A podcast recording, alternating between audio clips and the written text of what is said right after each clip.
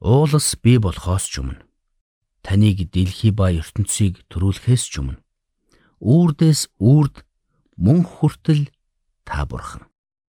Дуулал 92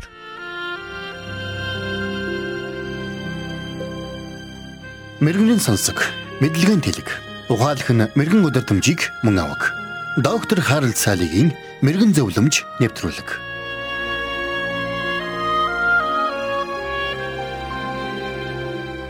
Америкийн сэтгцэн эрүүл мэндийн үндэсний төвөөс 6 жилийн туршид үргэлжилсэн томоохон хэмжээний судалгааны ажлыг зохион байгуулсан байна. Энэ нь сэтгэл судлалын чиглэлээр хийгдсэн хамгийн том судалгааны нэгд зүй ёсоор багтах судалгаа болжээ. Уг судалгааны дүнд миний олон жил дотроо бодож явсан таамгийг баталгаажуулсан юм. Юу гэвэл санаа зовнил нь өнөөдөр хүмүүст хамгийн түгээмэл тулгараад байгаа сэтгцийн эмгэг болсон байна.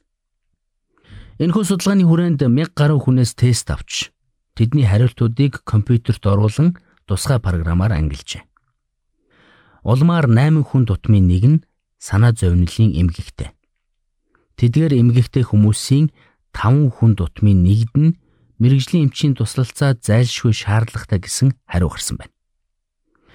Уг судалгаа хийсэн эрдэмтэд санаа зовнил нь сэтгэл гутралаас илүү хүмүүсийн амьдралд сөргөөр нөлөөлдөг болохыг олж тогтоогоод ихэд гайхсан тухайга бичсэн байна.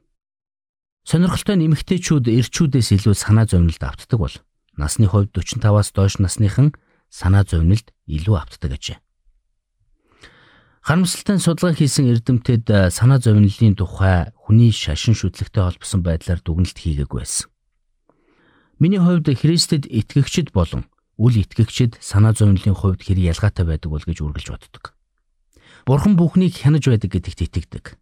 Бурханд хандан залбирх үед Бурхан залбирлыг нь сонсдог гэдэгт итгэдэг хүмүүс үл итгэгчдтэй харьцуулахад санаа зовнил нь хамаагүй бага байх ёстой гэж та бодож ажиллах юм. Онлын хувьд би ч бас тантай адил байр суурьтай байна. Гэхдээ бодит амьдрал дээр Христэд итгэгчид альва зүйлд үнэхээр үл итгэгчдээс хамаагүй бага санаа зовдөг гэж юу? Жишээ нь та өөрөө хэрэг санаа зовдөг бай. Та орой унтахаас өмнө санаа зовнилоосоо болоод эргэж хөрвөөдөг гэж юу? Нэгэн мэрэгэн хүн санаа зовнилыг ариун хүмүүсийн хүлээн зөвшөөрдөг ганц гим нүгэл гэж тодорхойлсон байдаг. Учир нь Христэд итгэгч маш олон хүн санаа зовнилд автан амьдардаг. Магадгүй та надаас та өөрөө хэр санаа зовдөг хүн бэ гэж асууж болох юм.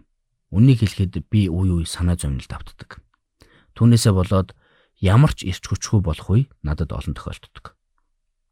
Уг нь санаа зовлоо гэд юу ч өөрчилж чадахгүй гэдгээ би сайн мэддэг. Тэгсэн хэрн санаа зовсоор байдаг. Харин ийм байдалд орох үедээ би дараах алхмуудыг хийдэг. Энэ нь танд ч бас тусуулна гэж найдаж байна. Юуны түрүүнд би бурхны химжээшгүй их эрх мэдэл, хүч чадлыг өөртөө сануулдаг. Би Тэнгэрийн оддыг ширтэн харж өөртөө Библийн үгсийг сануулдаг. Уулс бий болохоос ч өмнө таныг дэлхий ба ертөнцийг төрүүлэхээс ч өмнө үрдээс үрд мөн хүртэл та бурхан гэж дуулал номд өгүүлсэн байдгийг би сандаг. Үүнийг санах үед миний санаа зовнил ямар ч үр дүнгүй гэдгийг би ухаардаг юм. Хоёрдугаарт санаа зовнил биш харин залбирал нөхцөл байдлыг өөрчилдөг гэдгийг би өөртөө сануулдаг. Тэгээд би санаа зовнилоо бурханд өргөн чин сэтгэлээсээ залбирдаг. Ингэхдээ би Бурхны агуу үйлсийг өөртөө сануулж бүх санаа зовнилоо Есүс Христийн хөлний өмнө тавихыг хичээдэг. Илч Петр бидэнд сануулan хэлэхдээ тэр та нарт санаа тавьдаг учраас бүх зовнилоо түүнд хай гэсэн байдаг. Бас дуулал номд хэлэхдээ ачаага эзэн даатга. Тэр чамайг дүшин дитгэн гэж сануулan хэлсэн байдаг. Тиймээс би танд хэлье. Та юунд ч санаа зовж байлаа гэсэн. Санаа зовнилтойгоо эвлэн амьдрахыг та хизээч битгий зөвшөөрөөрэй.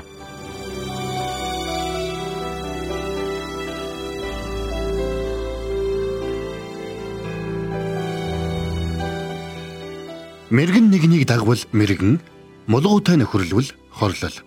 Доктор Харалт цаалогийн мэрэгэн зөвлөмж нэвтрүүлгийг танд хүргэлээ.